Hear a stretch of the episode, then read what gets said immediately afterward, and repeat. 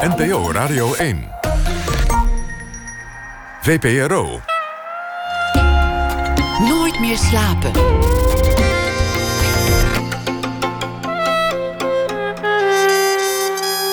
Met Pieter van der Wielen. Goedenacht en welkom bij Nooit meer slapen. Van mij had Studio Sport de camera gewoon de hele tijd op die bank mogen richten. Niet dat er op de mat niet mooi werd gejudo'd, maar de trainer was toch minstens zo amusant om naar te kijken. Zelden iemand een kil op horen zetten als mijn gast komend van der Geest. De kampioenenmaker wordt hij ook genoemd. Hij schreeuwt, hij fulmineert, hij juicht. Vele kampioenen kwamen uit zijn school en zijn beide zonen maakten ook carrière in de judo. 75 wordt hij dit jaar en 50 jaar bestaat ook zijn uh, school. Kenamju is dat uh, in Haarlem en dat staat voor uh, Kennemer Amateur Judo. Oorspronkelijk was dat het, ja. Ik dacht eerst dat het een soort Japanse slogan zou zijn. Nou, of zoiets. dat is ook nog eens een keer vertaald. En toen was het het zachte hemelse zwaard. Niet heel veel met mij te maken, volgens mij maar dat is wel, als je het vertaalt, er was een Japaner, uh, Japaner bij ons. En dan ging het van het Nederlands in het Engels. En, oh, en toen werd het het zachte hemelse zwaard. Heel af en toe zeggen ze wel eens ken amper, ken amper judo, maar die, uh, die doen dat, we dat zou, ik, zou ik niet uit jouw mond horen, vermoedelijk. Nee, niet heel nee. vaak. Ter ere van het jubileum is er ook een boek geschreven... door Govert Wisse, Gerlof Leistra en Patricia Jimmink. De judovader, Cor van der Geest. Wat, wat leuk dat je er bent. Ik vind het ook leuk om te zijn. Wat, wat was je eerste kennismaking met, met de judo? Ik was 13 jaar toen ik begon uh, op judo. Toen uh, zat ik uh, op een internaat. En gewoon omdat het thuis liep het allemaal niet zo, maar niet voor straf of zo, maar gewoon op een internaat. Dat was toen de tijd. Gebeurde dat ook nog wel veel. Daar heb ik drie jaar opgezeten. En daar ben ik eigenlijk gaan judo. Dat kwam ook omdat mijn oudste broer, Piet, die was 17 jaar ouder, inmiddels overleden. Maar die, uh, die judo'de ook. En die heeft zelfs nog met Ante Geesink in het team gestaan. Jij was de jongste van het hele nest, hè? En jullie Ja. waren met veel. Met z'n achten. En eh, vier jongens, vier meisjes. En een groentezaak. Echt een middenstandsgezin. Mijn ouders die kwamen eigenlijk van het boerenleven. Dus bij Alsmeer, Kudelstaart, dus bij Alsmeer. En daar eh, waren ze gewoon eigenlijk... eh, hun ouders waren weer landbouwmensen. Dus eh, geen eigen zaken. En mijn ouders die, die zijn toen vertrokken naar Haarlem. En die zijn in de Kleine Houtstraat een groentezaak begonnen. En echt katholiek gezin. Dus kom maar op met al die kinderen. En altijd werken. Deze mensen hebben wel hard gewerkt, ja. Mijn, mijn ouders zijn ook niet oud geworden. Mijn vader is 66 geworden, mijn moeder 73. En dat is wel zo'n beetje zes, zes en een halve dag in de week. Allemaal werken, werken. En eh, sober leven, dat was vroeger natuurlijk veel soberder. Maar de mensen waren ook eh, misschien wel gelukkig. Dat wist je eigenlijk niet of ze gelukkig waren. Nou, in die tijd waren mensen ook gelukkig. Ik denk mijn ouders dat niet zo heel erg goed gevoeld hebben. En dat vind ik wel jammer voor ze. Maar dat, de druk van zo'n bestaan en de druk van die kinderen... En de- dat was toch wel... eh, dat was veel. Ik, ik, denk dat mijn vader, maar ja, ik was de jongste natuurlijk... dat mijn vader eigenlijk in het begin al meteen al een beetje overspannen was... en er eigenlijk nooit meer helemaal goed van af is gekomen. Oftewel, het was net een trapje te hoog voor hem, zo'n eigen zaak. Maar heeft er wel een succes van gemaakt, want we zijn toch alle acht eh, groot gegroeid. En eh, mijn broers die gingen ook nog in de groenten. En ik, eh, ik was een eigenwijs jongetje, ik deed het allemaal niet. En mijn moeder heeft mij ook geholpen. Ik mocht meteen ook toen naar het internaat, want dat is eigenlijk voor mij de redding geweest. Want, want jouw moeder die spaarde stiekem geld door uit Ja, de kast ja, te, ja, te, graaien. Zonder dat aan je vader te vertellen. Nou, ik kan nagaan hoe dat dus toen was. Dus wij hebben een groentezaak. Mijn vader ging smiddags naar de veiling. En dan, eh, ja, er moest wel betaald worden, het internaat. Het was een privé-internaat, dus dat was nog ineens zo goedkoop. En dan, dan iedere dag werd er een tientje of 15, euro, eh, 15 gulden uit de kassa gehaald. En, en toen had ik het diploma gehaald. En toen zaten we in de trein met mensen uit Brezand. En die zeiden, ja, het is wel duur geworden, hè? En toen zei mijn vader, die had er nog niet over nagedacht dat het geld kostte. Rare wereld. Heb jij je vader ooit gekend? Zou je dat zeggen? Nee. Nee, ik heb hem wel meegemaakt, maar niet gekend. Ik- Om, om maar even aan te geven wat je daarmee bedoelt. Ik zeg wel eens tegen mijn zonen... ik heb met jullie in één middag meer gesproken... als mijn vader zijn hele leven. Maar ik was 21 dat mijn vader overleed. Maar een diepgaand gesprek heb ik echt nooit met hem gevoerd. En hij heeft je ook niet gesteund toen je ging judo. Hij, hij stond niet Nee, allemaal niet. Allemaal eigenlijk. Mijn vader komt van een boeren, boerenleven. En daar was er kinderen die waren gewoon je soort pensioen. Dus als de kinderen 13, 14, 15 waren, dan gingen ze wel aan het werk en moesten ze geld binnenbrengen. Zo is het eigenlijk met al mijn broers en zussen gegaan. En ja, bij mij is het echt voor het eerst anders gegaan. En, en ook mijn twee zussen erboven, die mochten dan ook nog wel naar school. En hebben nog een ULO gehaald, maar dat was toch wel heel uitzonderlijk hoor. Dus ja, Je hebt altijd alles op je eigen manier gedaan. Je was, was eigenlijk nou ja, niet, niet makkelijk te, te vangen voor mensen. Nee, zelfs niet door mezelf. Dus laat staan door een ander. Het ja, ik wist het ook niet. Ik wist toen ik 17, 18 was, wist ik nog niet wat ik wilde worden. Want ik ben maar naar de zevendschool gegaan, omdat ik daar naartoe kon. Omdat dat eh, betaald werd door de Shell. Dan kreeg ik een, eh, een, een soort eh, subsidie. Maar ik was helemaal niet eigenlijk een jongen die altijd maar een motortje zat. ik was niet zo'n techneut. Maar ja, toen ging ik varen. En toen, ja, ik wist wel dat ik gevoelig was om, om zeeziek te worden. Of, of in ieder geval, eh, als ik in een schommel zat, dan, dan voelde ik dat al. Maar tegen mij zeiden ze al, ja, maar na twee dagen ben je er vanaf. Maar ik was er na drie weken nog niet vanaf en ik kwam er nooit vanaf. Dus ja, dat heeft maar een jaar geduurd. Nee, dat is dan niet je beroep. Hoewel, er zijn, er zijn hele beroemde kapiteins geweest in de geschiedenis. Inderdaad. En ontdekkingsreizigers die, die kotsend over de reling hele nieuwe continenten hebben ontdekt. toen ik, dus, want ze dachten dat ik natuurlijk van die verplichting van die studiebeurs af wilde. En toen ik dus eh, dat zei tegen de Shell, toen hebben ze me dus getest. En toen kwam er uit die test dat ik er dus nooit overheen zou komen. En toen zeiden ze, Nelson was een beroemde zeeheld. Die is zijn hele leven blijven varen. Maar jij bent nog zo jong, we raden jou toch maar aan om eh, iets anders te gaan doen. Je kan Anders was misschien nooit het judo gekomen. Wanneer wist je dat judo meer was dan, dan alleen een hobby? Nou, ik was eh, eh, denk ik eh, 21, dus net na die vaarperiode. En toen was er bij ons een loodgieter thuis en die zei... wil jij niet bij ons op de, op de speeltuinvereniging judo les geven? En toen zei ik, nee, hoor, daar heb ik geen zin in. En, eh, maar ik was wel zoekende. Dus ik was maar een cursus begonnen, PBNA was dat toen... om, eh, om eh, wiskundeleraar te worden. Ik denk, dat is misschien wel wat voor mij. En toch, na een lang zeuren, ben ik judoles gaan geven. En ze hadden al 20 kinderen. En drie maanden later hadden ze 80 kinderen. Ik vond het heel leuk. En eigenlijk, ik ben, als ik ben echt een autodidact. Eigenlijk is het zo begonnen. En toen kon opeens de oude KNMU... die was helemaal te zielen. Die had nog 10 betalende leden. En die kon ik overnemen. En ik weet nog goed dat ik tegen mijn vrouw zei... stel je toch eens voor dat we 250 leden hebben. Dan kunnen we ervan leven. En nou ja, de rest is geschiedenis. Had je zelf ooit kampioen willen worden? Had je, had je als prof het heel ver willen schoppen? Ja en nee. Met ja bedoel ik, dat willen we allemaal. Maar ik heb nooit eigenlijk gezien hoe dat dan zou gemoeten hebben. Omdat ik... eh, ja, ik was geen Ruska. Ik was wel goed, want ik heb veel met Ruska gespart. Maar zo goed was ik niet. En dus ik had eigenlijk ook in een groep moeten zitten... dat je met zo'n groep eh, die drive had. Maar die hadden wij helemaal niet. Wij, eh, wij deden judo, we, we trainden twee keer. Later drie keer in de week. En we liepen eens een keer hard, maar dat was het wel ongeveer. Dus ja, eh, iedereen wil dat eigenlijk wel eens in een sport doen, de beste worden. Maar nooit gericht eigenlijk gewild. Dat is wel grappig. Je zegt nu, je wil het wel, maar je wil het niet gericht. Er zijn eigenlijk verschillende gradaties van willen. Je zegt iedereen wil het, maar we wilden het niet. Maar we willen het wel. Iedereen wil dat, natuurlijk wil je dat. Maar wil het wel echt? Nou ja, dat Wat- is natuurlijk allemaal de vraag die ik aan toppers ook stel. Want, want er zit dus ergens in de wil ook een soort tegenwil. Die zegt van ja, Luiheid, ik doe het niet. Of misschien wel dat je het helemaal niet ziet.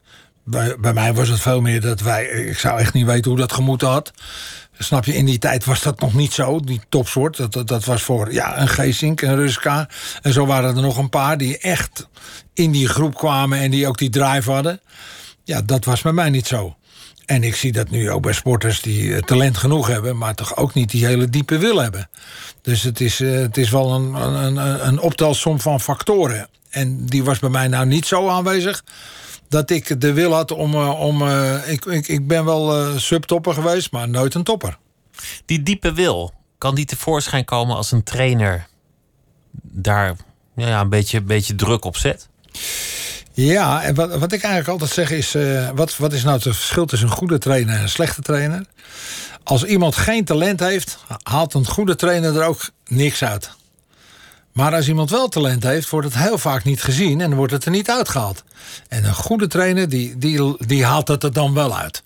En, eh, dus dat kan wel. En eh, dat is wat ik denk ik ook gedaan heb. Eh, zoeken. En ik heb ook zat sporters gehad. Ja, die waren niet beter als bijvoorbeeld derde, vijfde van Nederland. Meer zat er gewoon niet in. Waren ze soms ook heel gelukkig mee, hè? Dat was ook een mijlpaal. Maar gelukkig hebben wij een hele goede lichting gehad.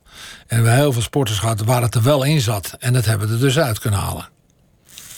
Maar als je er helemaal voor gaat, als je, als je die diepe wil bij jezelf blootlegt en je gaat zo hard trainen als nodig is om die top te halen en je redt het net niet. Je Dat wordt tweede, terwijl je dacht dat je eerste zou kunnen het. worden. Ja, of je wordt niks. Of je wordt helemaal niks. Dat is het hardste verlies wat er is. En dat is ook een van de redenen waarom sporters bijna niet onvoorwaardelijk, want dat noem ik onvoorwaardelijk, hè, en onvoorwaardelijk dat zit in wat heb je ervoor over.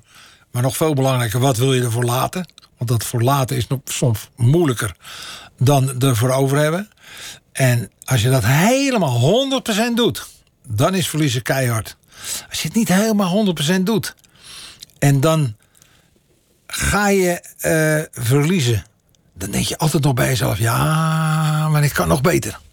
Maar nu heb je alles gedaan, alles. En je ligt de eerste ronde op je kont. Die is hard hoor. En die heb ik zat meegemaakt. Dus eigenlijk om jezelf niet kwetsbaar te maken voor die nederlaag, geef je niet alles. Dat is een bewust, onbewust proces wat in topsporters zit. En dat is, vind ik, een heel interessant iets natuurlijk om daarmee bezig te zijn. Om die onvoorwaardelijkheid en die totale intrinsiekheid van een sporter, om die te krijgen. Dat is een heel proces. En er zijn, maar, er zijn niet zo heel veel sporters die echt 100% intrinsiek het allemaal deden. Die heb ik niet zo heel veel gehad. Hoe doe je dat? Hoe krijg je dat eruit bij iemand? Eh, dat doet, daar is de sport natuurlijk zelf ook mee bezig. Hè?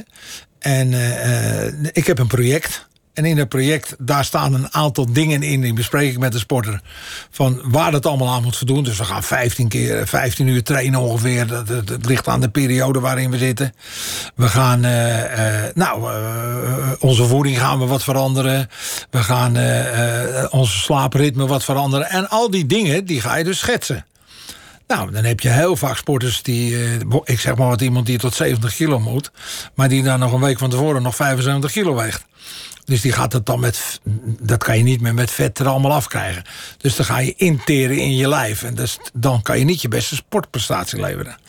Nou, zo zijn er voorbeelden dat ze dat dan zelf niet konden omdraaien. Dan kruip ik eens uit. Dan zeg ik, ja, je wil dat. Want ik vraag altijd, wil je dat? Ja, ik wil dat. Maar je doet niet. Ja, dat is een proces. Dat duurt soms heel lang.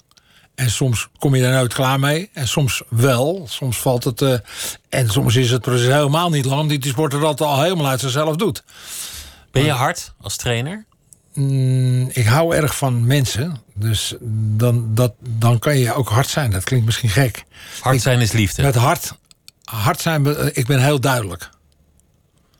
Dat is toch nog weer net even. En dat is soms hard. Want als ik natuurlijk vijf keer tegen jou heb gezegd.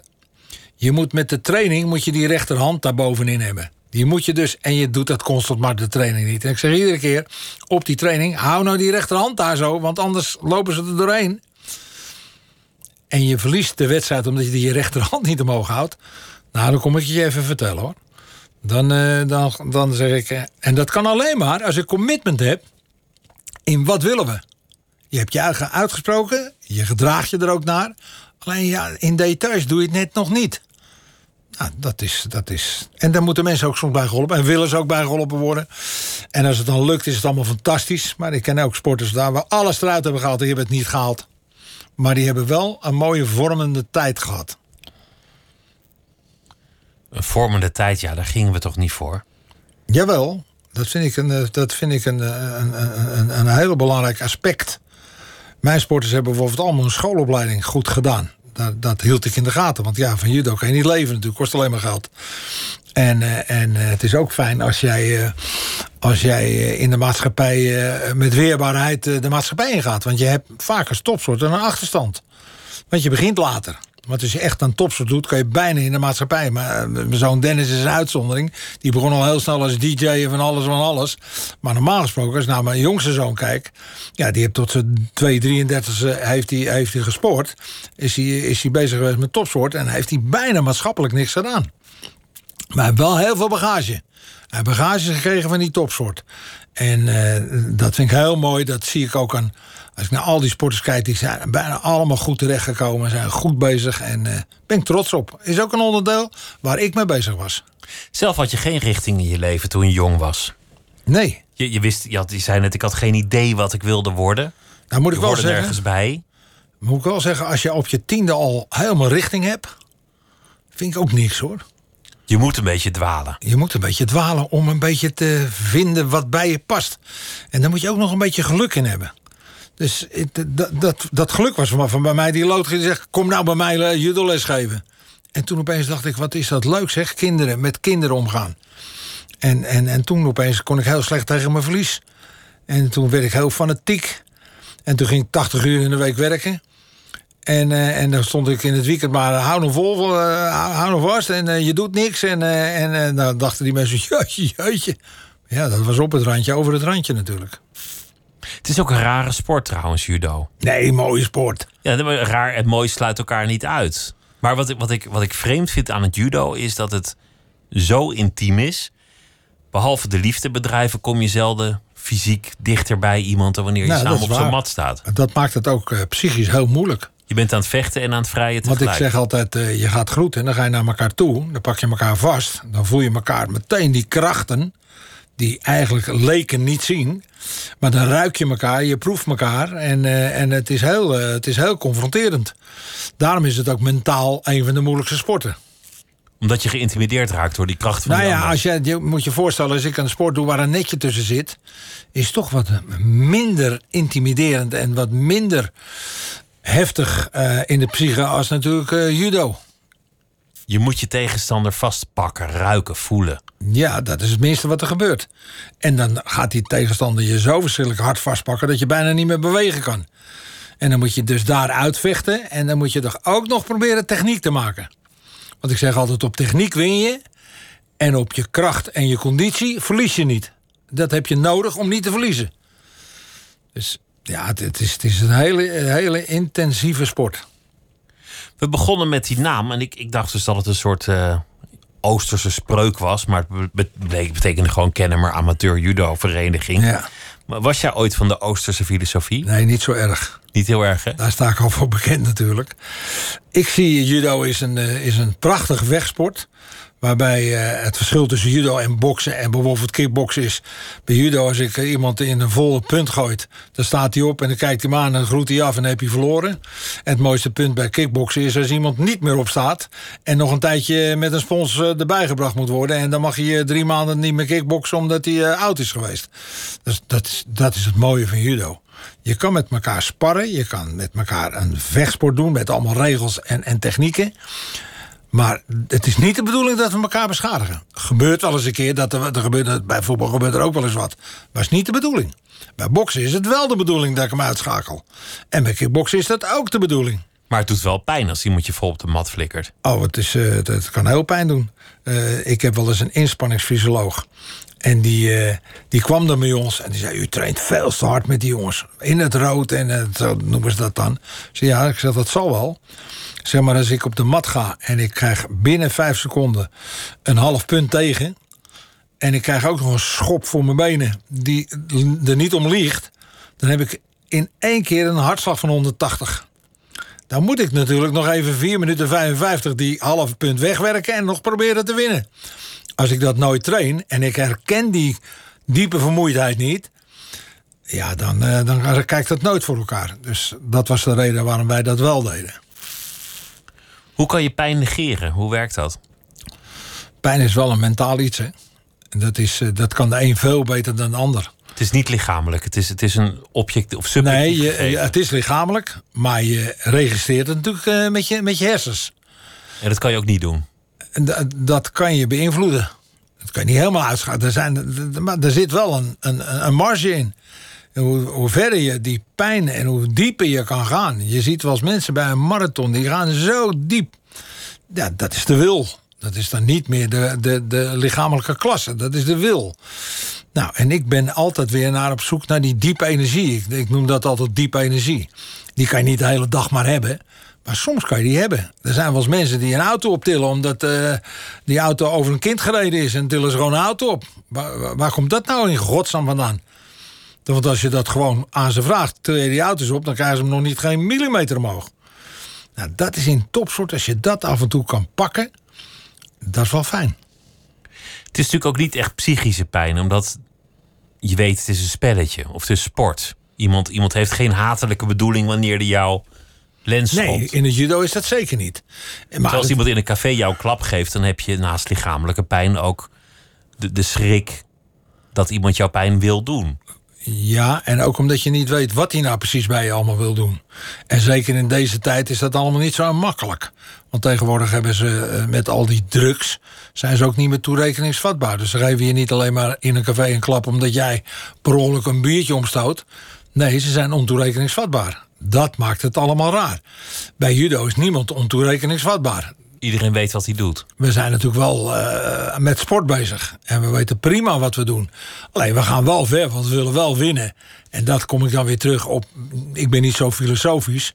Omdat bij mij de wedstrijd winnen, dat staat bovenaan. En daar zijn we voor aan het trainen. Daar zijn we mee bezig. En daar in het hele reglement waar ik, wat ik kan gebruiken... ga ik die ook gebruiken om te winnen. Je hebt een liedje meegenomen, dat, dat gaat erover, van Johnny Cash, Hurt. Ja. En het gaat over, over pijn. Dat is natuurlijk een mooi, eh, mooi thema. Zullen we luisteren naar, eh naar Ja. het lied? Ja, heel leuk.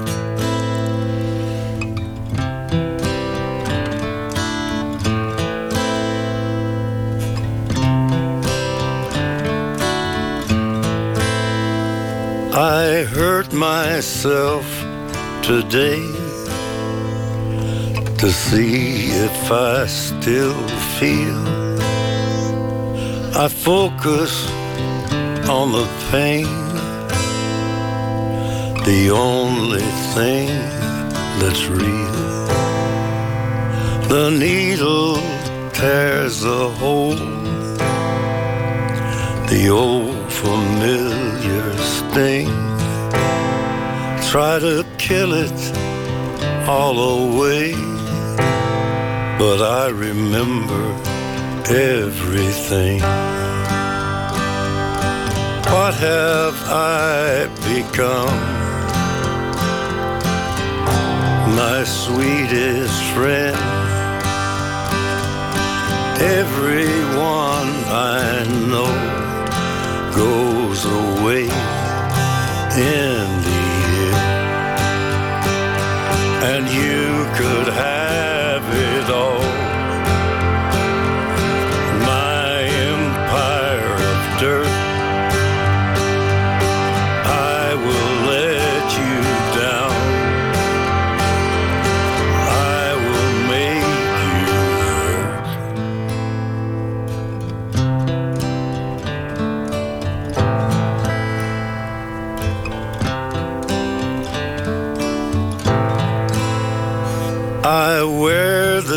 Crown of thorns upon my liar's chair, full of broken thoughts I cannot repair. Beneath the stains of time, the feelings disappear. You are someone else. I am still right here. What have I become? My sweetest friend. Everyone I know goes away in And you could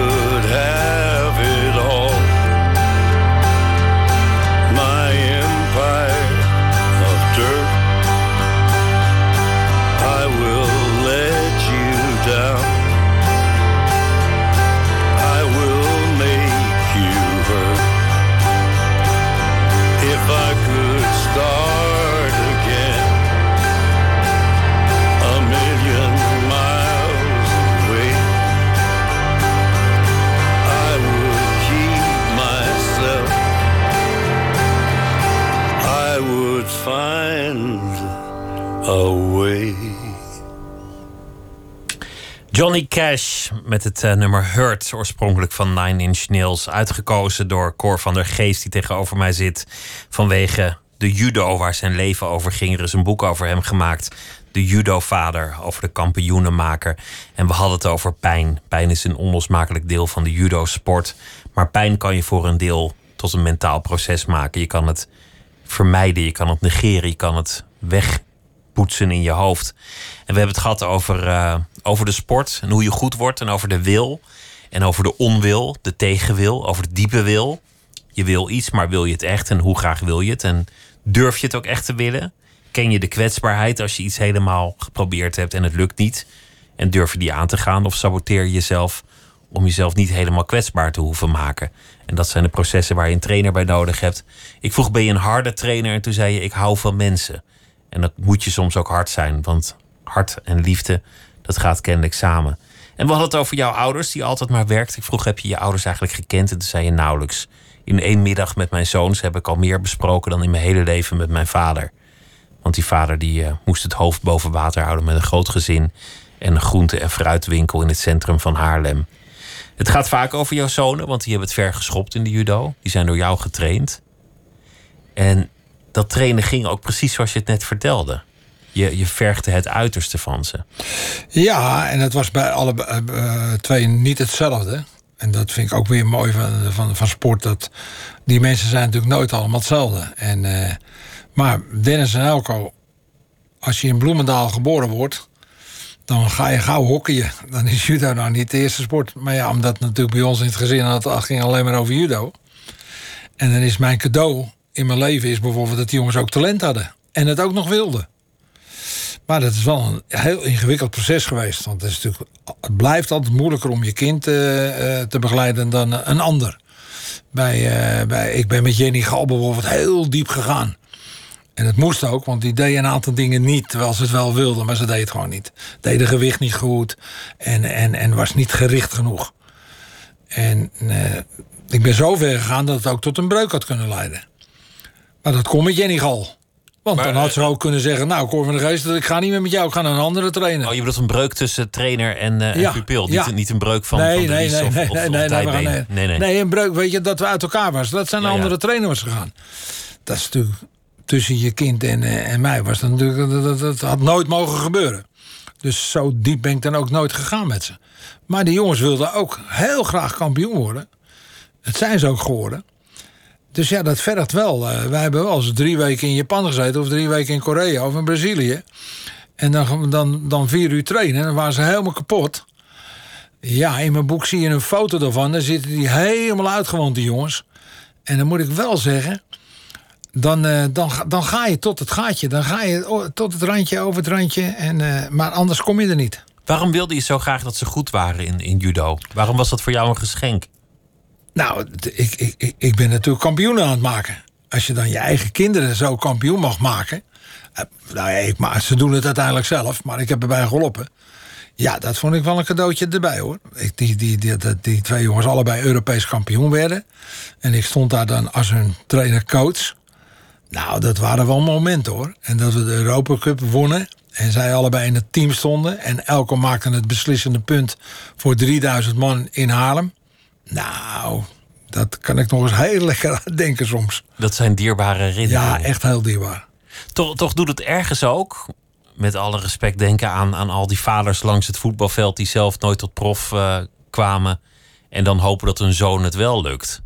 Die Nee. hun droom overdragen op de kleine. Ik zeg heel vaak, eh, wedstrijdsport richting prestatiesport, richting topsport.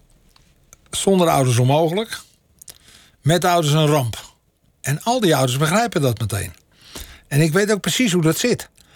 En eh, kinderen moeten heel vaak doen wat die ouders zelf niet gedaan hebben. Nou, ik ben dus nooit een groot kampioen geweest. Maar dat was bij ons nog niet aan de orde. Het is echt vanuit die jongens ook wel geïnspireerd door onze omgeving. Eigen sportschool. Vanaf drie jaar zagen ze al, eh, wilden ze zelf ook al judoën. Maar wel behoorlijk vanuit hunzelf. En, en, en daarom zijn we er ook als gezin zo mooi uitgekomen. We zijn vrienden van elkaar. En, eh, en, eh, dus dat is, dat is heel goed gelukt. Maar in de documentaire die over jullie is gemaakt, zag ik toch ook een paar zeer explosieve momenten. Dat, dat de vlam in de pan schoot, dat er, er toch allemaal oud zeer ineens naar boven kwam. Nou, oud zeer niet, maar gewoon verschil van mening. Als je dus kijkt naar die documentaire, de, de, de, de, de scène is natuurlijk tussen Dennis en mij. Ja, Dennis en ik eh, hebben altijd een verschil van mening gehad over, eh, over wat ik nou nodig vond wat hij moest doen en wat hij nou zelf vond. En eh, dat ging tot het randje over het randje. Maar altijd zo dat de vader-zoon relatie nooit klem kwam. Ja, wel eens een half uur of een dag, maar nooit langer. Het, het judo stond nooit de vader-zoon relatie de weg. Nooit. Het ging daar niet over. Hij moest niet voor zijn erkenning en liefde Nooit. judoën. Nooit. Nooit. En dat zeggen zij zelf ook. Als je eh, de heer ook gaat interviewen, gaan ze precies hetzelfde zeggen. Dit wa- eh, zij wilde dat. En Dennis zegt wel eens, ja, ik kon helemaal nooit naar een andere trainer ook. Want onze groep was de beste groep. En Cor was de beste trainer. En dat vind ik natuurlijk leuk dat hij dat zegt. Maar ja, wij waren toen ook de beste groep. En, eh, en dat hadden we ook niet moeten veranderen. Maar dat heeft wel... Allebei wisten we. Dennis wist dat. Elko wist dat. Ik wist dat. Tot zover en niet verder. En dat deed mijn vrouw natuurlijk ook. Die was een goede regulateur op dat gebied. Dus Maar ze hoopte wel op jouw erkenning. Sommige dingen lagen gevoelig. Opmerkingen die je maakte, die dan jaren later nog door hoofden spookten. Als kwetsend waren ervaren van jij wordt later een trainer. Nou, kijk, wat, wat. Ik had zo met Dennis te doen. Dennis was 13, 14 jaar en die wilde echt. Maar ik zag helemaal geen talent. Maar hij wist alles van judo. Hij wist er meer van de tegenstanders dan ik. Want hij was altijd maar mee bezig. En toen zei je dat. En toen dacht ik, ik ga, ik ga hem belangrijk maken.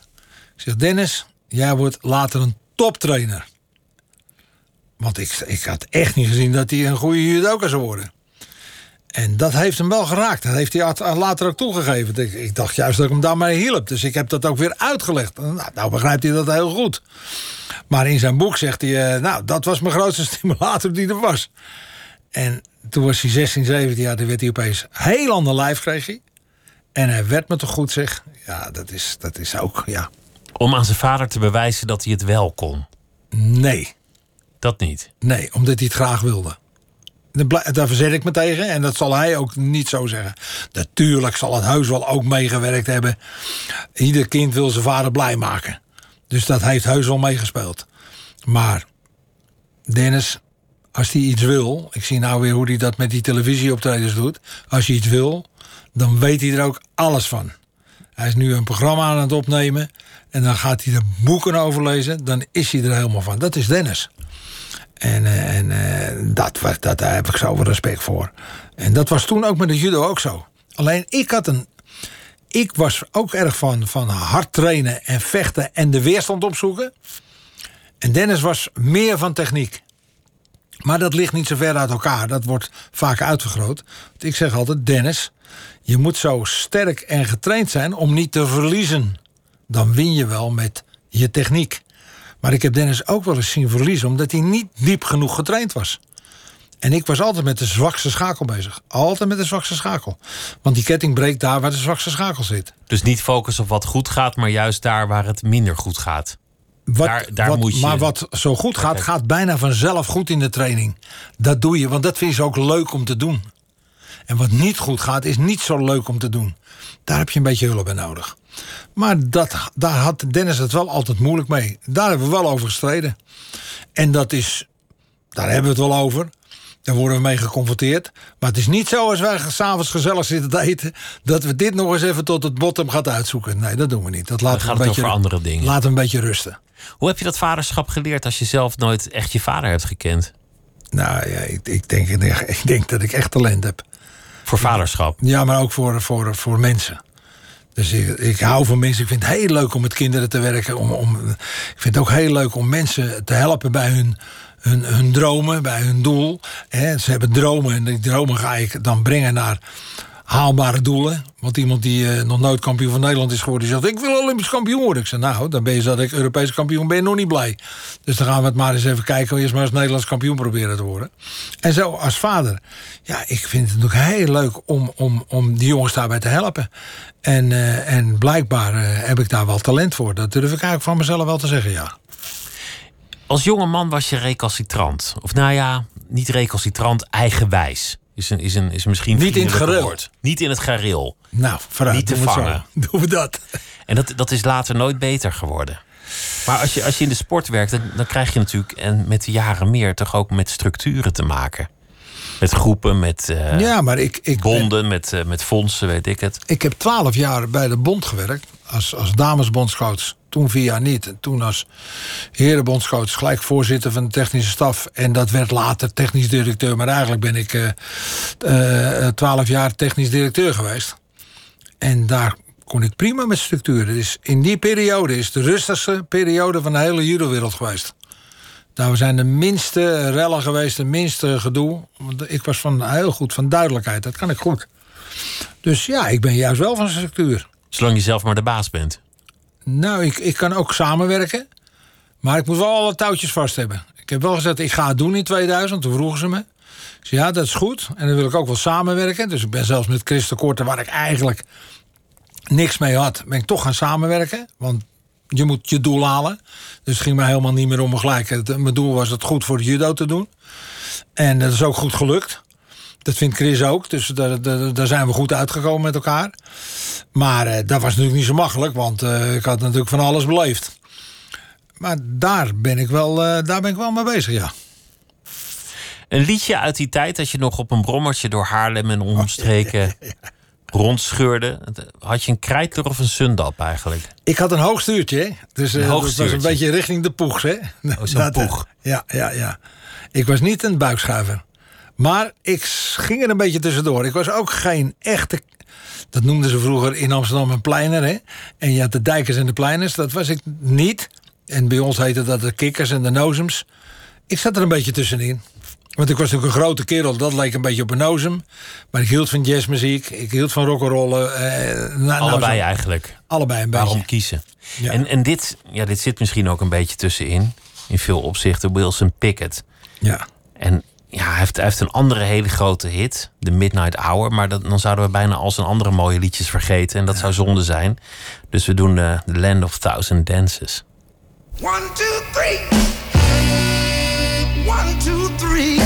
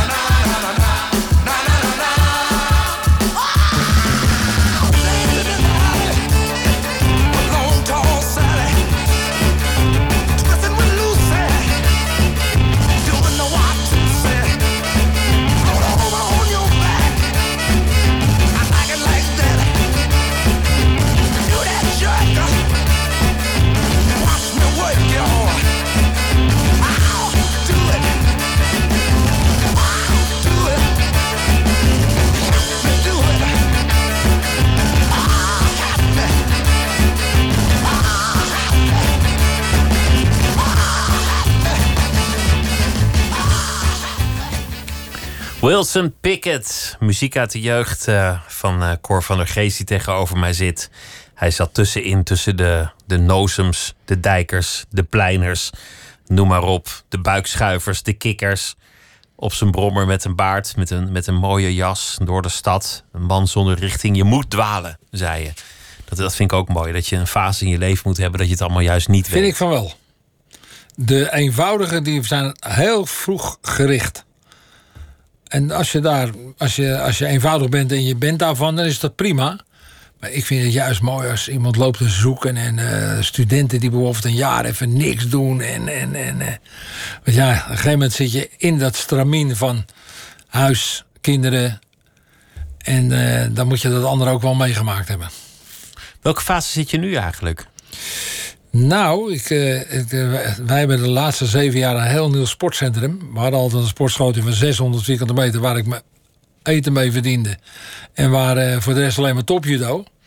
Maar een, een jaar of acht, negen geleden zei mijn jongste zoon... ja, maar ik wil die sportschool overnemen. Ik zeg, maar niet in een kleine sportschool, dat gaat niet meer. We waren al een beetje aan het zoeken, want ik wilde of stoppen of... En nu hebben we een gebouw van 2.500 vierkante meter... met een zwembad en alles erop en eraan. En daar geniet ik iedere dag van. Dus mijn zoon die runt het. Het is de, de, de, de, de, de CEO, moet je maar zeggen. En ik help hem. En ik doe de, vooral de financiële kant. Vind ik leuk om te doen. Hè? Dus eh, ja, anders. Uitzoomen, kijken. Veel meer uitzoomen dan vroeger. Want ja, 60, 70, 80 uur in een week werken... kom je niet aan uitzoomen. Ben je alleen maar... En nu kan ik veel meer uitzoomen. En ik kijk ook wel eens naar, terug naar mezelf. En denk, oh ja, dat was toch wel heftig allemaal. Maar ja, zo was het toen. Hoe sta je nu tegenover de, over de judo in Nederland? Tegen, tegenover eh, nou ja, het semi-professionele gebeuren, tegenover de bond, tegenover de, het, het talent dat wordt, wordt gegooid. Ja, het is allemaal niet zo makkelijk op het ogenblik. Eh, ik had heel hard gewerkt om iets na te laten. En ik wilde ook, ik ben in 2012 gestopt. Ik wilde daar ook van blijven genieten. Van die structuur die ik allemaal gezet had. En daar had ik echt behoorlijk met mensen in het NOC ook, want die bepalen heel veel. Die had ik heel veel met ze over gesproken en ook bewezen dat het moest via de structuren die ik deed. En ik ben nog niet weg of ze hebben de hele structuur veranderd. Dus daarmee hebben ze ook mijn plezier en mijn lol van de judo een beetje weggehaald. Ik ga nog wel naar WK's kijken, maar ik ga in Nederland dus niet meer naar NK's en zo. Vind ik niet leuk. Ik wil die mensen eigenlijk niet meer tegenkomen. Vind ik wel heel jammer, want ik ben dus een beetje beschadigd eigenlijk. Omdat jouw erfenis, zoals jij dat ziet, teniet is gedaan. Ja, en ook omdat het niet goed gaat. Ik maak me zorgen over Nederlands judo.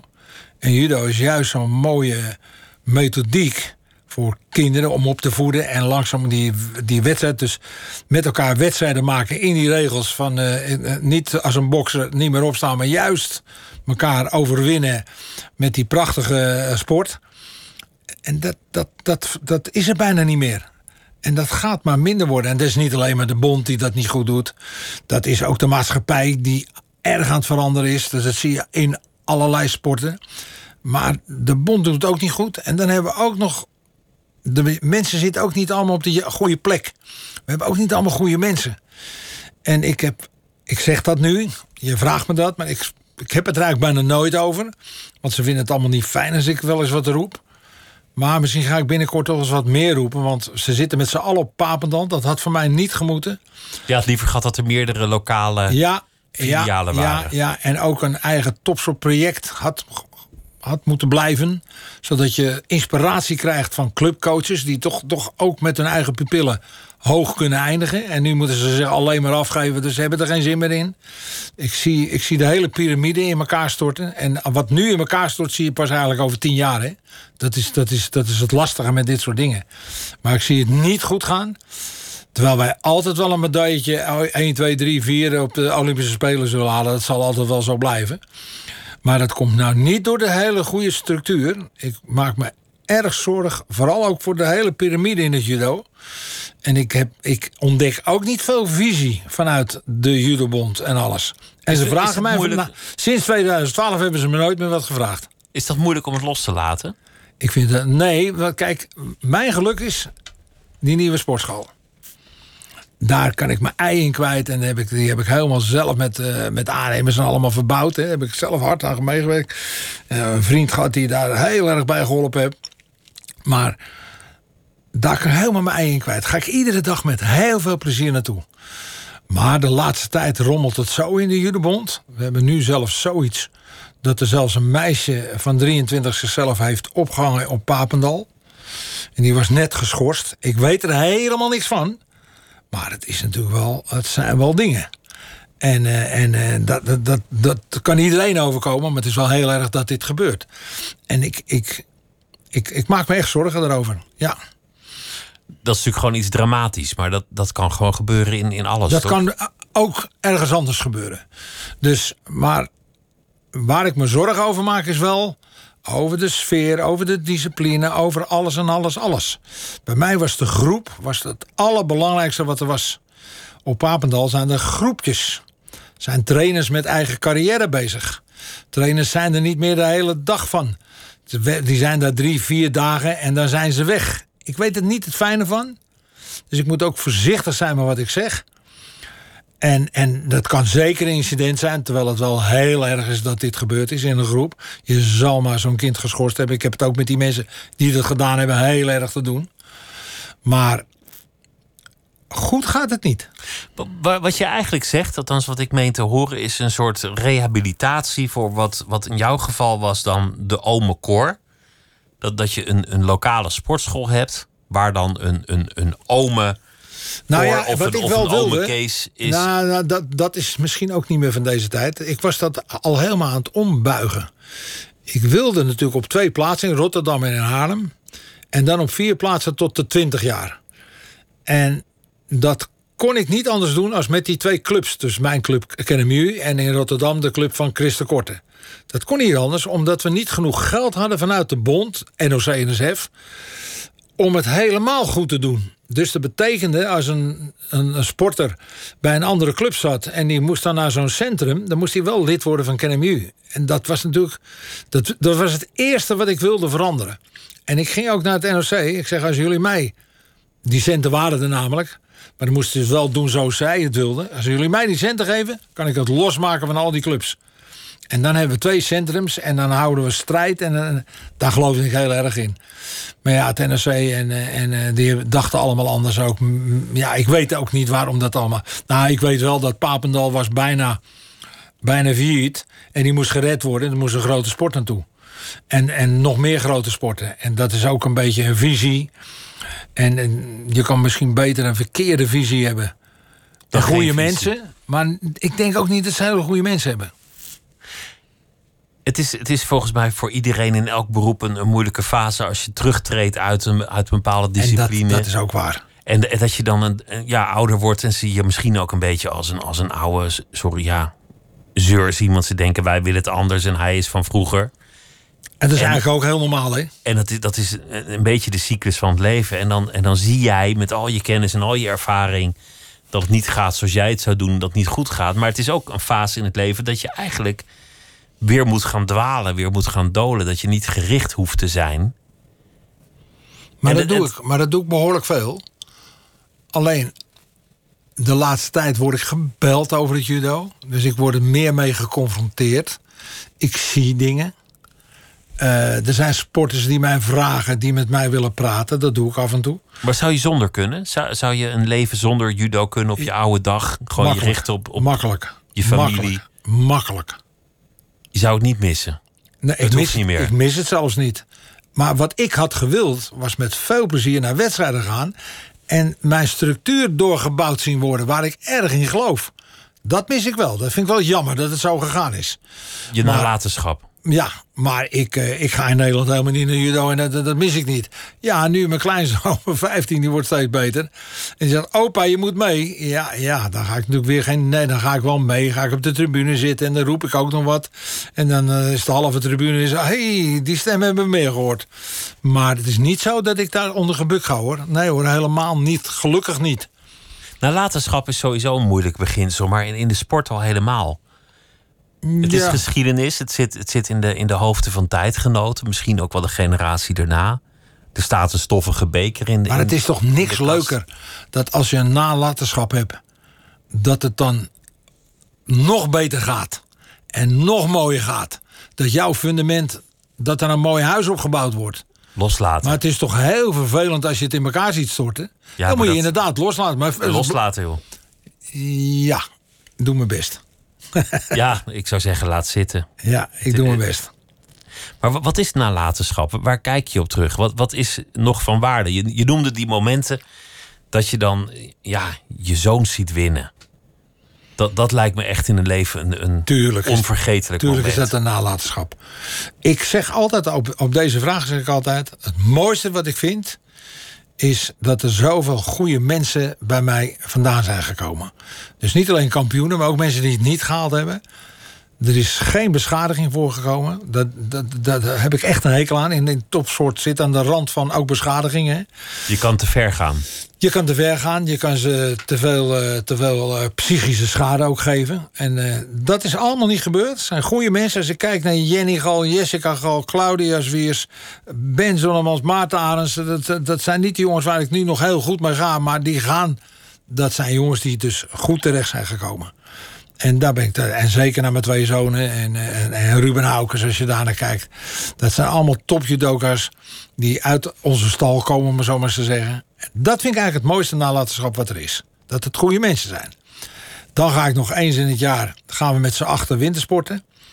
Oud-toppers. En eh, ja, die oude moet mee. Ik zei, nee, ik ga niet meer mee. Ja, moet toch mee. Ik kan bijna mijn skischoenen niet meer zelf vastmaken. Dus die, daar zijn ze allemaal bereid om te helpen. Ik moet mee. Ja, dat zijn toch ook prachtige dingen. Op zo'n berg. En je bent dit jaar ook 50 jaar getrouwd. Ja. Dat is het derde jubileum. Want, want ja. je wordt Ja, ja. Je wordt er daar 75. De, de sportschool bestaat 50 jaar. En dan ook nog 50 jaar in het Met huwelijk. Els. En dat is mijn beste vriend die ik heb. En dat gun ik heel veel mensen. Want ja, dat, en dat kan ik hier nou mooi zeggen. Maar echt zo. Wij zijn echt maatjes. En eh, d- dat was in die hele... Ik werkte natuurlijk 70, 80 uur in de week. Ik was maanden weg. Dan was ik drie weken weg, kwam ik weer een weekje terug en dan was ik weer weg. En de sportschool ging wel door. Dat heeft Els opgevangen. En eh, we hebben altijd dus wat, wat, wat, wat kunnen verdienen. En ja, wij zijn zo naar elkaar toegegroeid met ons gezin. We zijn zo trots. Die jongens zijn zo gek op hun moeder en zo gek op mij. Dat, eh, en die kleinkinderen en die schoon... Ja, dat is een godsgeschenk. Dat is, daar werken we met z'n allen hard aan. Maar het is wel zo. Hoe kon het dat ze daarmee kon leven? Want je was zo fanatiek in die sport. En, en je Misschien, misschien ook- hield ze van me of zo. Dat, dat, dat, Liefde? Ja. Ja, dat, dat kan toch? Ja, dat kan, Ik denk, ja. nou ja, zij gunden mij natuurlijk wel alles. En dat is bij ons allebei wel zo. Maar ja, dat gaat niet van het ene moment op het andere moment. Daar, daar kruip je, dat sluip je in. Dat gaat gebeuren. Het gaat steeds verder. Ik weet nog goed dat wij jeugdteam kampioen van Nederland moesten worden. Onder de 17. Waren we nog nooit geweest. Ik geloof dat we bij elkaar wel 15 keer zijn geweest. Maar waren we nog nooit geweest. Nou, daar ging alles voor opzij. En zo ging dat naar juniorenteams, seniorenteams. En zo gingen we naar het buitenland. En het ging maar verder. Ja, dat gaat niet van de ene dag op de andere dag. Je komt niet voor aan de keuze staan. Oh, nu doen we vijf uur en nou is het opeens 40 uur. Dat is zo gegaan. En zij ging mee in de droom. Zij ging mee. Ze is ook nog wel eens mee geweest. Ze, dus ze heeft veel op de tribune gezeten. Maar wij waren natuurlijk heel veel weg. eh, klaar. Misschien was het ook wel goed voor het huwelijk dat er gewoon geen tijd was om ruzie te maken. Ja, Omdat er, dat er zo'n groot doel was. het is natuurlijk wel zo. Ledigheid is niet zo goed voor mensen. Nee, dat geloof ik ook. Ledigheid is eh Dus ik, ik, een duivels ik, ik, toch? Ik, ik, ik, ik kan nu heel goed uitzoomen. Maar ik, eh, ik heb nog een, denk ik, anderhalf, twee dagen werk ik nog. Dus eh, dat is eh, vooral de administratie doen en eh, dat soort dingen. Dus de hele zakelijke kant, want het zijn allemaal eigen panden. Dus er zit nogal wat aan vast. Doe ik met heel veel plezier. Ik zou echt niet niks willen doen. En dan, eh, maar ik, ik ga s'avonds niet zo gauw de deur uit. Ja, dan, voor een radioprogramma s'nachts om 12 uur. Nou, dat vind ik heel wat. Maar, maar weet je, dat, dus ik heb natuurlijk mijn hele leven s'avonds gewerkt en in het weekend. En alleen al dat ik dat niet meer hoef te doen, is echt heerlijk. En nu, over een paar weken, dan gaan de sportscholen weer open. Maar judo op anderhalve meter lijkt me eh, niet, niet te doen. Nee. Nee, zolang we niet op elkaar mogen liggen, dan eh, wordt het niks. Wordt er, wordt er even niet gejudo'd. En ik denk, ja, nou, tot, acht, tot 16 jaar mogen ze, nee, tot 18 mag je nu wel op elkaar liggen. En dan mag je wel met elkaar, eh, dus dat doen wij buiten al. En, eh, en kinderen tot 12 jaar al helemaal. En we gaan natuurlijk van 1 juli naar binnen. Maar ik denk, ja, die anderhalve meter regel blijft voorlopig nog in- intact. En zolang die intact blijft, kan je niet judoën. Dus dat, dat, is, dat is geen grote inkomsten bij ons. Dus het is, dat is, dat is maar een klein takje wat we daaraan verdienen. Maar het is wel onze ziel natuurlijk wie we zijn. En, eh, maar dat zie ik voorlopig nog niet gebeuren. En ik denk dat wij nog van die hele corona... hebben wij nog wel een jaartje last. Dat vrees ik ook. En de, en de rest van de sportschool, want dat zijn jullie waarschijnlijk nu helemaal vol aan het hangen met, eh, met, met tape en lint en, en nou, dat doen wij dus niet. Want wij. En, wij hebben 2.500 vierkante meter. En daardoor... En het staat ook niet helemaal vol. Hebben wij nooit voor gekozen. Wij, dus wij hebben een hele mooie apparatuur... wat al zeg maar anderhalve meter uit elkaar moet staan. We, hebben, we zijn nu een paar dingen aan het verzetten. En eh, we kunnen eigenlijk alles wel blijven gebruiken. Alleen de groepslessen... Ja, je moet wel anderhalf meter uit elkaar in een groepsles zitten. Dus dat betekent dat we misschien wel met de groepslessen van een uur... naar drie kwartier gaan. En dan meerdere lessen. Want je kan dan maar in plaats van 30 mensen in een uur... Kan er, kunnen er maar 18 in, ik zeg maar. En dat moet nog een beetje uitgerekend worden. Maar, en dan moeten we meer lessen aanbieden. Maar dat komt goed hoor. Kortere klasjes gewoon. Ja, ja en minder erin. En eh, dat mensen begrijpen dat allemaal. Het is natuurlijk eigenlijk een, een paradoxaal ding geweest. Want fit zijn, trainen, bewegen is volgens mij ook uiteindelijk iets dat, dat effect heeft voor de weerstand. Absoluut. En hoe meer weerstand je hebt, hoe minder kans je hebt dat een virus toeslaat. Maar ik snap ook, dit was wel een raar virus hoor. Als je dus al die ziekenhuisopnames zag en, en hoe ziek mensen worden en dat ook nog doodgaan. Het was angstaanjagend. Angstaanjagend. Dus, en ze wisten het ook niet. Dus ik begrijp ook wel de regering dat ze een beetje dit maar gedaan hebben. En dan mogen wij nog blij zijn met de intelligente lockdown. Dus we gaan de- ze gaan er zomaar vanuit dat wij ook nog kunnen nadenken. Dat is nog wel een heel mooi gegeven eigenlijk. Maar daar zijn we nog niet vanaf. En, eh, en, eh, maar ik geloof wel als je drukte uit de weg gaat. Maar grote festivals, een voetbalstadion vol, judo, mensen op elkaar. Ik geloof het niet. Voorlopig niet. Dankjewel, Cor van der Geest. En het boek heet De Judo-vader. Het was mij een genoegen. Dankjewel en goede nacht aan eh, wie luistert. Dankjewel. Op Radio 1. Het nieuws van alle kanten.